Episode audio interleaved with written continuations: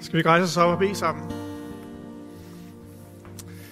Tak, Jesus, fordi vi kan være sammen med dig som kirke, alle generationer, og tak, at du er midt i blandt os her i vores fællesskab. Tak for alt, hvad der er foregået indtil nu. Tak for de beslutninger, der er blevet taget, og som er blevet bekræftet her i dag. Tak for dit nærvær. Når vi tilbeder dig, så kommer du og troner på vores lovsang. Og tak, at du er her tæt på hver eneste hjerte, hver eneste sjæl, hver eneste menneske, som er her. Og tak, at vi kan sige, Abba, Fader, du er vores far i himlen, Gud. Og vi er dine børn, og vi står herinde foran din trone og ønsker bare at være sammen med dig, far i himlen. Tak, at du vil tale til os fortsat. Og tak, at du fortsat vil gå ind i dybet af vores hjerter, og ind i dybet af vores liv hver især, og sende os ud herfra i dag med noget nyt for dig, med ny tro og med ny inspiration i Jesu navn. Amen. Værsgo at sidde ned. Hvor er det dejligt at være her i dag med alle de mange fantastiske ting, som er sket ind til nu. Og øh, vi er jo her alle generationer samlet, unge, modne, gamle, så kan du selv sætte dig ind i den kategori, du gerne vil være i. Øh, jeg ved med mig selv, jeg befinder mig i midterkategorien. Og øh, her midt i 40'erne, det vil sige, jeg er fyldt 48, så det kan ikke kaldes midt i 40'erne længere. Men jeg har opdaget her midt i livet, som jeg er, der, øh, der får man nogle refleksioner, som livet ikke rigtig havde forberedt mig på. Sådan nogle midtvejs refleksioner. Jeg ved ikke, om der er nogen her i min alder, der kan genkende det. Og øh, det var noget, som livet ikke ligesom havde forberedt mig på. De tanker og refleksioner, som øh, jeg har fået. Øh, man kalder det også for midtvejskrisen. Hu. Og øh, det, som øh, folk gør, når de rammer midtvejskrisen eller midtvejsrefleksionerne, det er, at man begynder at revurdere det, du har lavet indtil nu igennem dit liv.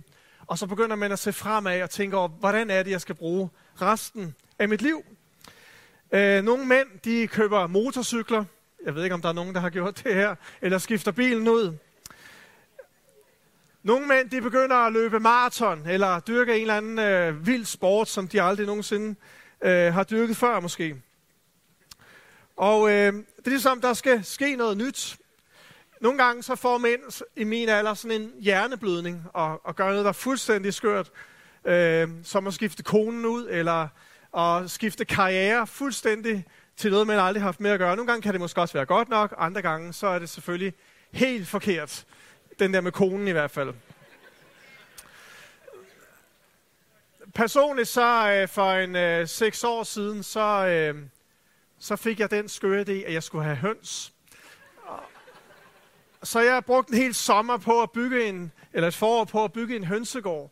Og øh, det var fantastisk at gå der med hammeren og saven i hånden og være rigtig stolt af det her hønsehus. Jeg måtte faktisk lave det om, da jeg havde lavet det først, fordi min kone hun synes, det var for stort. Øh, så måtte jeg rive det fra hinanden igen, og så forfra. Og så anskaffede jeg mig seks høns. Og de her høns her, de producerede jo æg i stridestrømme. Fire til seks æg hver dag der gennem hele sommeren. Og da vi så nåede til efteråret, så tænkte jeg, det er godt nok mange æg at holde styr på. Det er godt nok besværligt. Så mange æg kan vi slet ikke spise. Så det var sikkert en dårlig idé. Så, så øh, solgte jeg hønsene tilbage til dem, jeg havde købt dem af, og pakket hønsegården sammen, og så var det det. Øhm, her for tre år siden, så stod jeg i lovsangen nede på mig højskole, hvor jeg er lærer til daglig.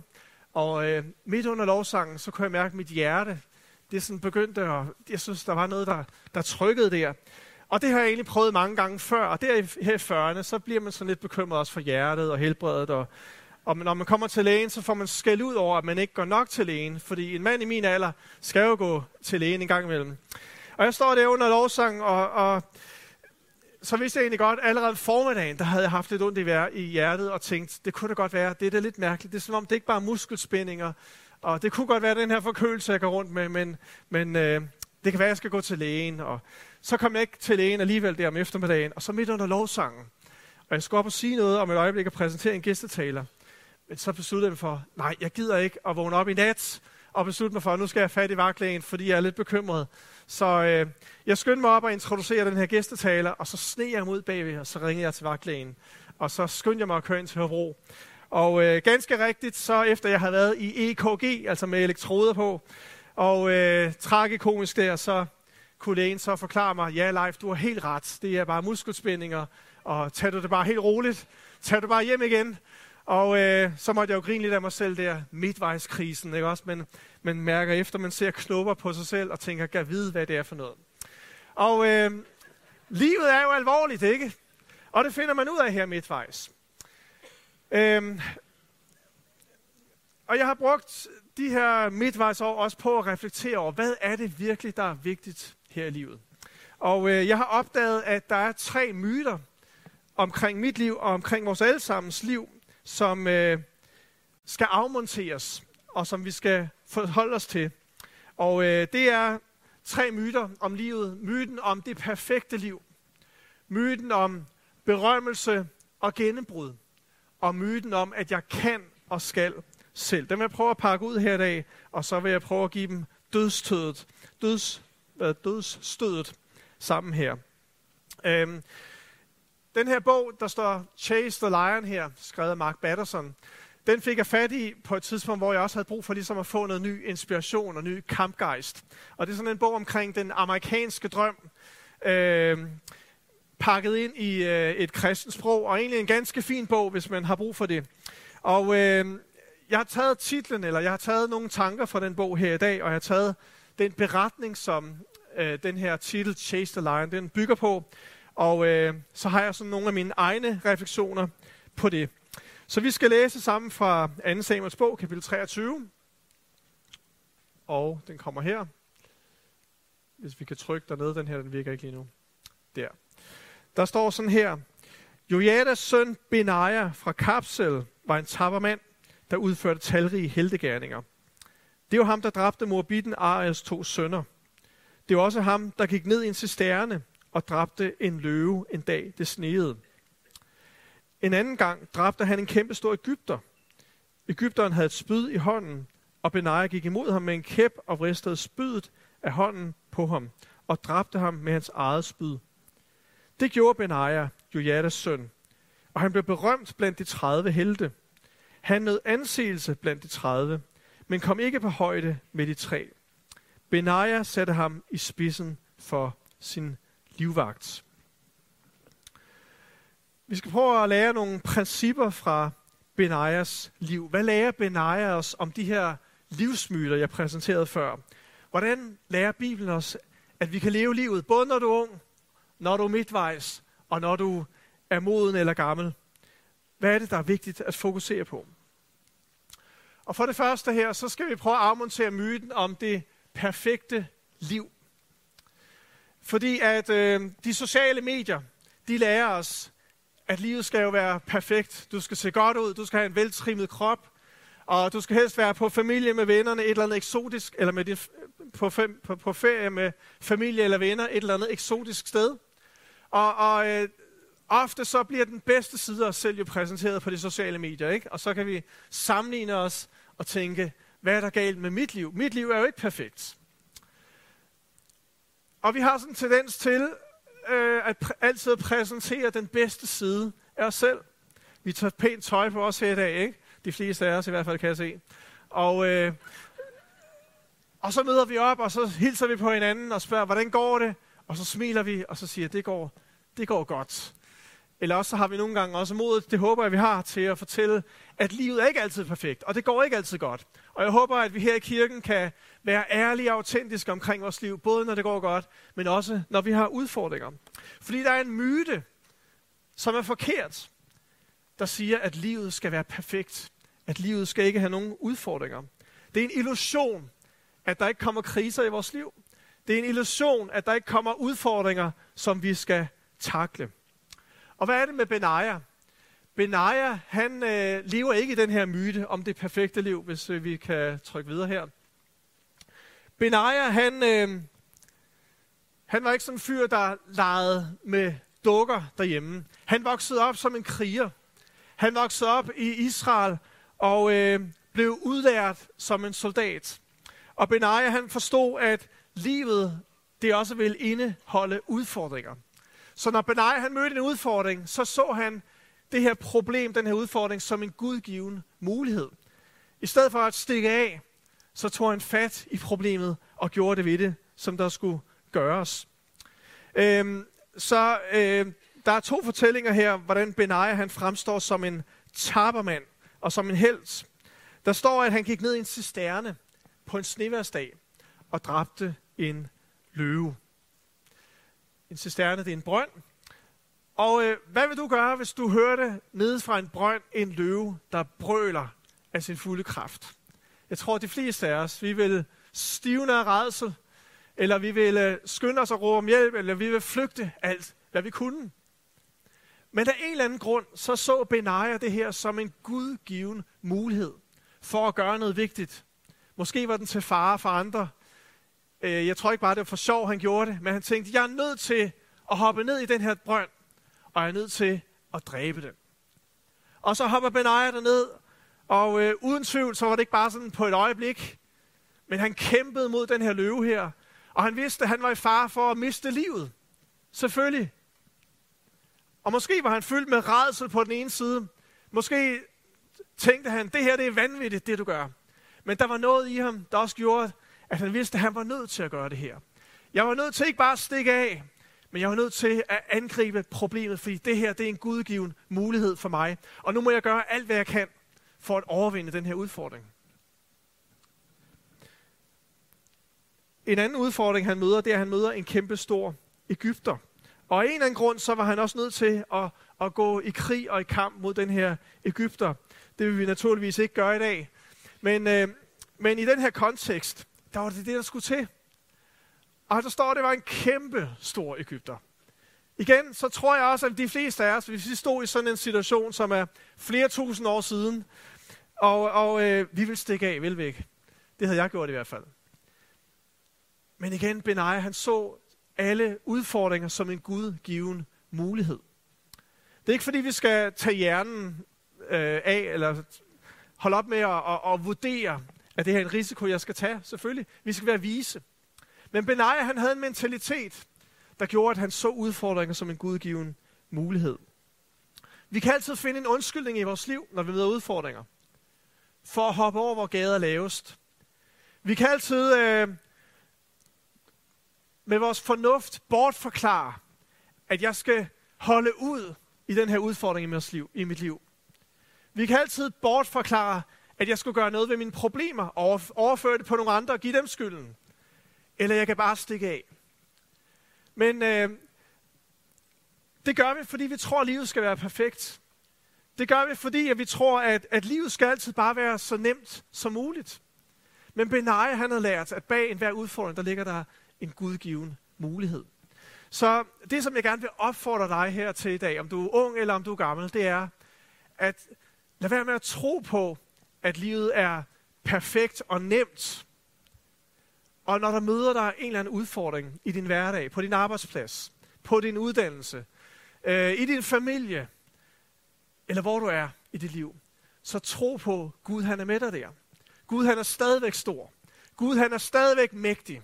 Gud han er større end dine problemer. Gud han er større end din sygdom.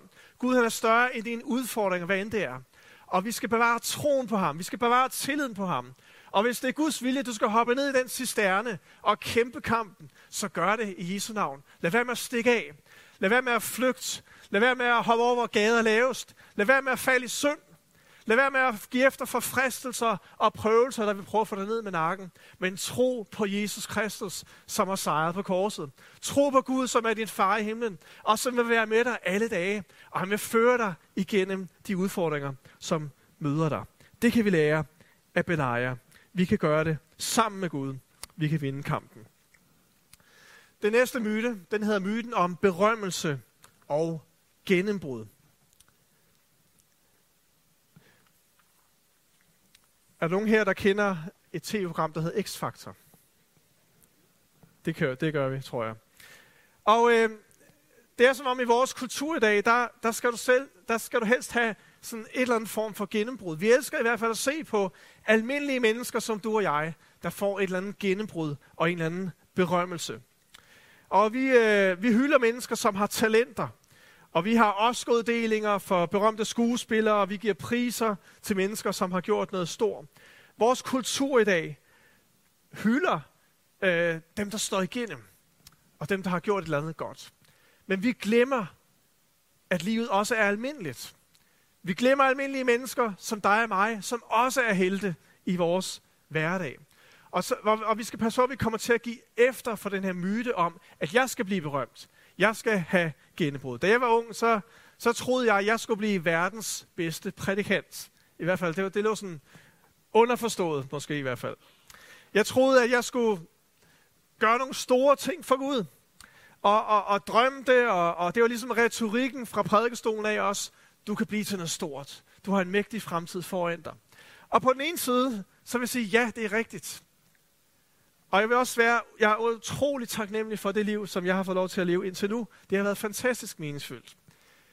Men jeg har ikke skrevet 10 bøger. Jeg har ikke plantet 10 kirker. Jeg er ikke blevet rig, og så videre, så videre. Men jeg har faktisk haft et fantastisk dejligt liv. Og jeg vil sige med en dejlig familie, og jeg er taknemmelig til Gud. Men jeg er også ufattelig almindelig. Og du er også ufattelig umindelig. Almindelig. Sig lige til den sidemand. Du er helt almindelig.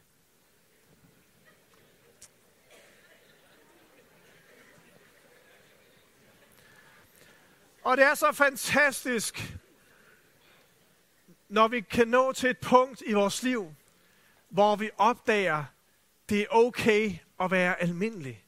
Det er okay at være, som jeg er skabt til at være. Det er okay, at jeg ikke efterligner andre. Det er okay, at jeg ikke stræber efter at blive den bedste og den største og berømt, eller hvad end kulturen omkring os kan lægge på os.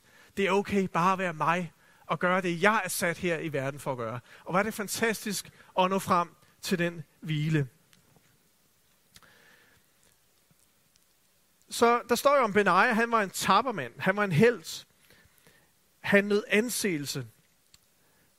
Øhm, men min teori, det er, at Benaja, han gjorde ikke det, han gjorde for at blive berømt. Han gjorde det, fordi det var nødvendigt, og fordi han var den, han var skabt til at være. Og øh, jeg tror faktisk, at Benaja, han øh, var rundet af det samme miljø som kong David, som han øh, øh, tjente. Jeg tror, at øh, Benajas fokus, det var ikke ham selv, men det var David. Hvordan kan jeg beskytte ham? Hvordan kan jeg være en soldat i Davids her? Og jeg tror faktisk også, at øh, Benaja, han øh, var en tilbeder, ligesom David var en tilbeder. Jeg tror ikke, at kong David, som jo har skrevet salmernes bog, og han elsker at spille harpe og synge lovsange, og han var en mand efter Guds hjerte. Jeg tror ikke, at Benaja, han kunne have været ven og kunne have været tæt på David, hvis ikke Benaja, han også selv var rundet af det samme miljø.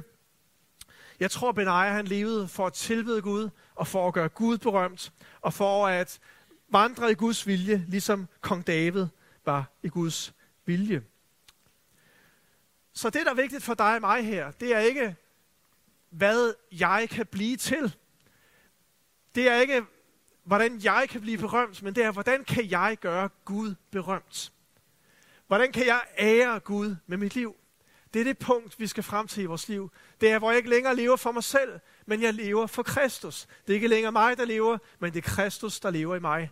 Det er ikke min berømmelse, men det er Guds berømmelse. Det er menighedens berømmelse. Det er min næstes berømmelse. Det er, hvordan jeg kan løfte andre op. Og hvis du løfter andre op, så vil Gud også løfte dig op. Vi ser også en interessant ting her, det er, at Benai han nød anseelse blandt de 30, men han kom ikke på højde med de tre. Der er en myte omkring, at, vi, at jeg skal være nummer et, det her gennembrud. Vi ser det jo for eksempel til olympiaderne, ikke også, hver fjerde år. Så er der tre medaljer, man kan få. Guldmedalje til nummer et, sølvmedalje til nummer to, og bronzemedalje til nummer tre. Og så er det selvfølgelig en glæde og en ære at være med i en olympiade.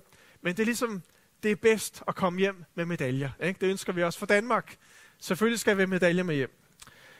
Og problemet er bare, hvis vi overfører det på vores liv hvad jeg ser, at det handler om at være nummer et, nummer to, nummer tre. Se, for Benaja, han var ikke nummer et, nummer to, nummer tre. Der var tre blandt de her 30 mænd, som, øh, som Benaja var en del af. De her tre, de, de, øh, de var de bedste. Så Benaja, han var i virkeligheden en god nummer 4. Jeg har ikke hørt nogen prædiken om at være en god nummer 4. Har du det? Det får du her i dag. Livet handler om først og fremmest at være en god nummer 4. Altså forstået på den måde, der er nogen, der er kaldet til at være nummer 1, der er nogen, der er kaldet til at være nummer 2, der er nogen, der er kaldet til at være nummer 3. Men de fleste af os, for ikke at sige, at vi er alle sammen nødt til at starte der, med at være en rigtig god nummer 4.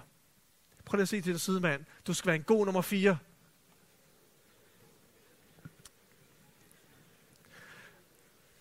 Vi skal stræbe efter det bedste. Vi skal stræbe efter at kunne være alt det Gud han har skabt og kaldet os til at være. Og for at nå derhen til, så er vi alle sammen nødt til at lære at være en rigtig god nummer 4. Fordi Guds rige har ikke brug for lige så mange nummer 1, som han har brug for en rigtig god nummer 4. Og det betyder, at du kan finde ud af at være lojal og tjene andres drøm og vision. Det betyder, at du kan være med og bakke andre op, som øh, har et ansvar. Det betyder, at du kan være ydmyg, når du står i situationer, hvor du selv har lyst til at tage magten, og selv har lyst til at, at vise, at det her, det kan du i hvert fald godt gøre. Hvis Gud han ikke har kaldet dig til at være nummer et, så vær en rigtig god nummer fire. Og hvis du er en rigtig god nummer fire, så kan du også blive en rigtig god nummer et. Men hvis du er en nummer et, der ikke kan finde ud af at være nummer 4, så er du en elendig nummer 1. Så Gud han ønsker, at vi alle sammen skal lære den her almindelighed igen. Myten om berømmelse og gennembrud. Lad os passe på. Også her, når vi pakker det ind i nogle øh, åndelige, bibelske termer. Gud han ønsker ikke, at du skal være en nummer et nødvendigvis, men han ønsker, at du skal være en rigtig god nummer 4. Og hvis det er Guds vilje, så er du først en god nummer 4, og så bliver du en god nummer 1. Benaja,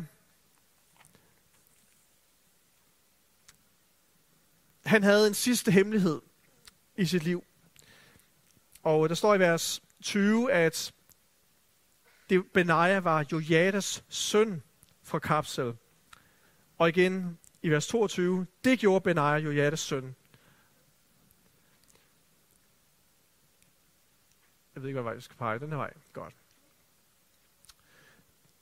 Nu har vi haft barnevelsignelse her i dag. Og øh, os, som har børn, vi ved, at når børnene begynder at vokse op, så begynder de at sige, jeg kan selv, og jeg vil selv. Ikke? Den her stedighed. Og øh, alligevel så ligger det jo også underforstået, at vi som forældre ønsker, at vores børn skal vokse op til at kunne selv.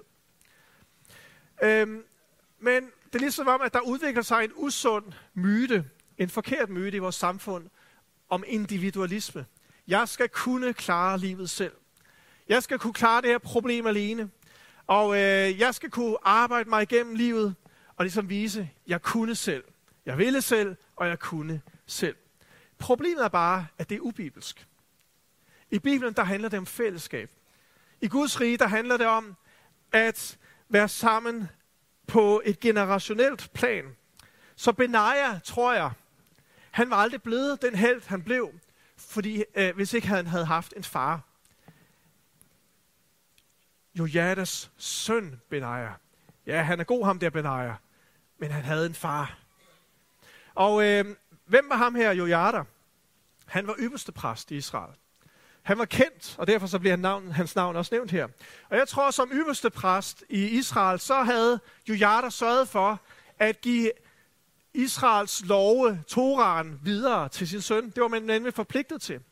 Som forældre i Israel, så var du forpligtet til, hver gang der var en fest, at instruere dine børn i, hvorfor holder vi den her fest her? Jo, vi fejrer udvandringen af Ægypten, og de genfortalte Israels historie, og videregav et forhold til den levende Gud, til deres børn. Det var deres ansvar. Jeg tror, at øh, Benaja, han var vokset op i et miljø, der var kristent, eller der var religiøst. Og øh, jeg tror, at Jojada og Benaja, de har haft et eller andet forhold sammen, øh, hvor at Jojada havde givet nogle principper videre til sin søn, så Benaja han kunne få lov til at være den, han er. I hvert fald så ved jeg, at det er et åndeligt princip. Paulus han taler om sig selv både som en åndelig far, men faktisk også som en åndelig mor i øh, Thessalonikerbrevet. Det er et åndeligt princip, at du og jeg har brug for åndelige fædre og mødre, og du og jeg kan også være en åndelig mor og en åndelig far. David, han havde profeten Samuel som en åndelig far. Elisa, han havde profeten Elias. Josva, han havde en Moses. Timotheus, han havde en Paulus. Og jeg tror, at hvis du og jeg skal være helte i hverdagen, som jeg vil sige, Benaja han var, almindelige mennesker, der gør alt det, som vi er skabt til at gøre i vores hverdag, så er vi også nødt til at være en del af et miljø på tværs af generationerne. Vi har brug for at investere i generationerne. Vi har brug for at opdage, jeg kan have en åndelig far eller en åndelig mor. Jeg har også brug for at opdage, at jeg kan tage mig af den næste generation. Jeg kan investere i den næste generation og sørge for, at de bliver en ny generation af benajer. Jeg er så heldig, at jeg er vokset, jeg er vokset op i et kristent hjem, og øh, mine forældre har taget mig med i kirke. Og jeg kan huske øh, min egen far, at når jeg nogle gange kom ind i stuen tidligt om morgenen, så lå min far på sine knæ og lå og bad for familien og lå og bad for den dag, der skulle komme. Jeg kan også huske nogle gange, når vi sad ved spisebordet om aftenen, så spiste min far ikke, men drak bare te. Og han fastede. Jeg ved ikke, hvad han egentlig fastede for, men jeg ved, at han troede på Gud, og han demonstrerede det i sit liv ved at bede og faste og læse Guds ord. Jeg ved, at han investerede i den lokale kirke, øh, og gør det stadigvæk den dag i dag, og tror på Guds rige, og tror på et gennembrud for lokale kirker, og ønsker at tjene Jesus sammen med min mor i øvrigt. Jeg kan huske en dag, vi, øh, jeg var med min far på arbejde, og øh, øh, han var økonomichef i første halvdel af sit liv. Og øh, der kom nogle medarbejdere ind til ham på kontoret, og øh, de skulle løse et problem. Og øh, så klikker min far på computeren og viser dem, sådan her løser vi problemet. Og så kan jeg huske, at en af de her unge medarbejdere står og banner og svogler af sådan begejstring. Det var da helt utroligt. Sådan, ja. Med andre ord. Og så står den anden unge medarbejder ved siden af og banker ham ind i siden der og bare peger på ham. Sagde ikke noget, bare pegede. Og så, ups, undskyld, sagde den anden så, havde bandet der. Og der vidste jeg, hvad der skete der også, fordi jeg kendte min far. Hans medarbejder vidste, at han var kristen. I hans hverdag, der levede han sin tro ud. Og, og derfor så var der en respekt omkring ham. At man kunne ikke bare opføre sig på en hvilken som helst måde, når man var i nærheden af min far, fordi han havde en tro på Jesus. Og jeg er så taknemmelig over at kan se tilbage på en fysisk far, som også har været en åndelig far for mig. Og jeg ved godt, det er ikke alle, der er så heldige at have haft en, en god åndelig fysisk far. Men vi kan alle sammen få en åndelig far, og vi kan alle sammen få en åndelig mor. Vi kan alle sammen se op til den næste generation. Der er masser af modne og ældre mennesker her i den her menighed, som er fantastiske rollemodeller. Som øh, vi som unge, dig som er ung, du kan hive en hel masse livsvisdom ud af den ældre generation. Og du kan lære at takle kriser. Du kan lære at hoppe ned i en cisterne og kæmpe imod en løve. Du kan lære, hvad der er vigtigt at satse på her i livet, bare ved at sætte dig ned og drikke en kop kaffe og lytte til de her modne mennesker, vi har her. Vi gør det, jeg som unge her? Og på den samme måde, så vil jeg sige til os, som er noget midtvejs i livet, eller dig, som er, er, er moden og sidste i livet, du har så meget, du kan give til den næste generation. Til dem, som er yngre. Til min generation. Eller til dem, som er yngre. Og helt ned til børnene. Vi skal sørge for at være åndelige fædre og mødre. Fordi så kan vi skabe en generation af benarier, der kan mestre livet. Og du kan blive en benarier ved at tage de her principper til dig. Og øh, jeg ved ikke, hvor du står henne i dit liv nu. Men hvis du står over for en udfordring i dit liv, som føles som en, en løve, eller en Ægypter, eller hvad, hvilket billede du vil bruge, noget, der skræmmer dig, og du har lyst til at stikke af. Det er ikke sikkert, du skal stikke af. Spørg Gud, Gud, hvad skal jeg gøre i den her situation? Hvad er din løsning på det her problem her? Eller måske så oplever nogle af de her myter, de er bare virkelig for dig. Du har brug for åndelige fædre og mødre. Du har brug for at mærke, at der er nogen, der vil hjælpe dig igennem i dit liv. Skal vi ikke rejse os op? Og lovsangerne må gerne komme op.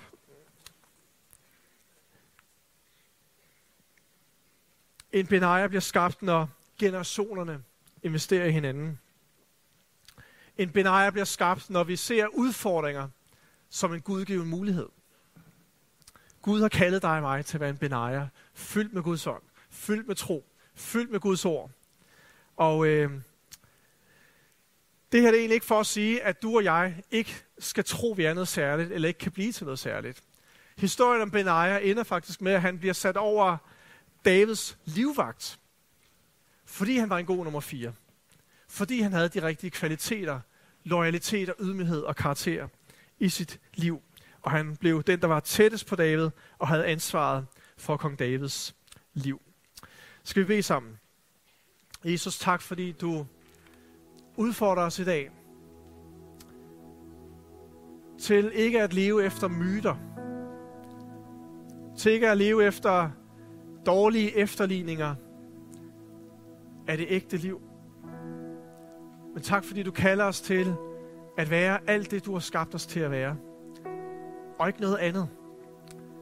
Tak, at vi kan få lov til at forsone os med dem, vi er. Ung, gammel, moden, midtvejs. Og tak, at vi kan få lov til at forsone os med de gaver og talenter, du har givet os. Og få lov til at være den bedste udgave af os selv. Så Jesus, jeg beder om, at du vil komme til enhver her i dag. Ind i vores livssituation.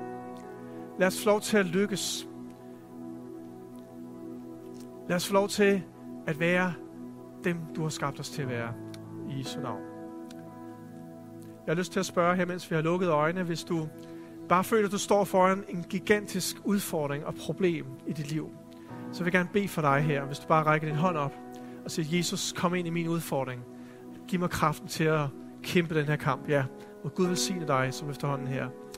Gud velsigne dig i Jesu navn. Tak, Jesus, fordi du møder dem, som løfter deres hænder her. Tak, at du ser til deres udfordring. Og tak, at du vil hjælpe dem til at kæmpe den kamp, der skal kæmpe. Tak, at de må forstå, at livet ikke er perfekt, men livet rummer gudgivende muligheder. Og tak, fordi du altid er med os. I Jesu navn. Amen. Jeg har også lyst til at spørge, er der nogen, som står her og siger, jeg vil gerne være en åndelig mor og en åndelig far. Jeg vil gerne være en rollemodel og øh, investere i den næste generation. Vil du så ikke bare løfte din hånd også til Jesus og sige, Jesus, jeg er med her, så vil jeg bede for dig. Yes. Jesus, tak fordi du vil kalde på mennesker her i dag, som vil være åndelige forældre, åndelige fædre, åndelige mødre, og vil være med til at investere i den næste generation. Tak, Jesus, fordi du vil rejse en herop af modne, gamle, også af unge, som vil investere i den næste generation og skabe en ny generation af benarier. Tak, at du vil bruge os, og tak, at vores liv kan have værdi og mening på denne måde. I Jesu navn. Og Jesus, jeg beder også for dem, som står her i dag og, og lider under en følelse af at skulle bryde igennem. En følelse af at skulle være nummer et. En følelse af, at jeg er ikke god nok i mig selv. Jeg beder om bare, at du bare kommer og møder de mennesker. At vi må få lov til at gå efter og gøre dig berømt, Jesus. At vores liv må handle om ikke os selv, men handle om dig. Og give ære og tilbedelse til dig. Tak, at du vil virke det frem i vores hjerter. I Jesu navn.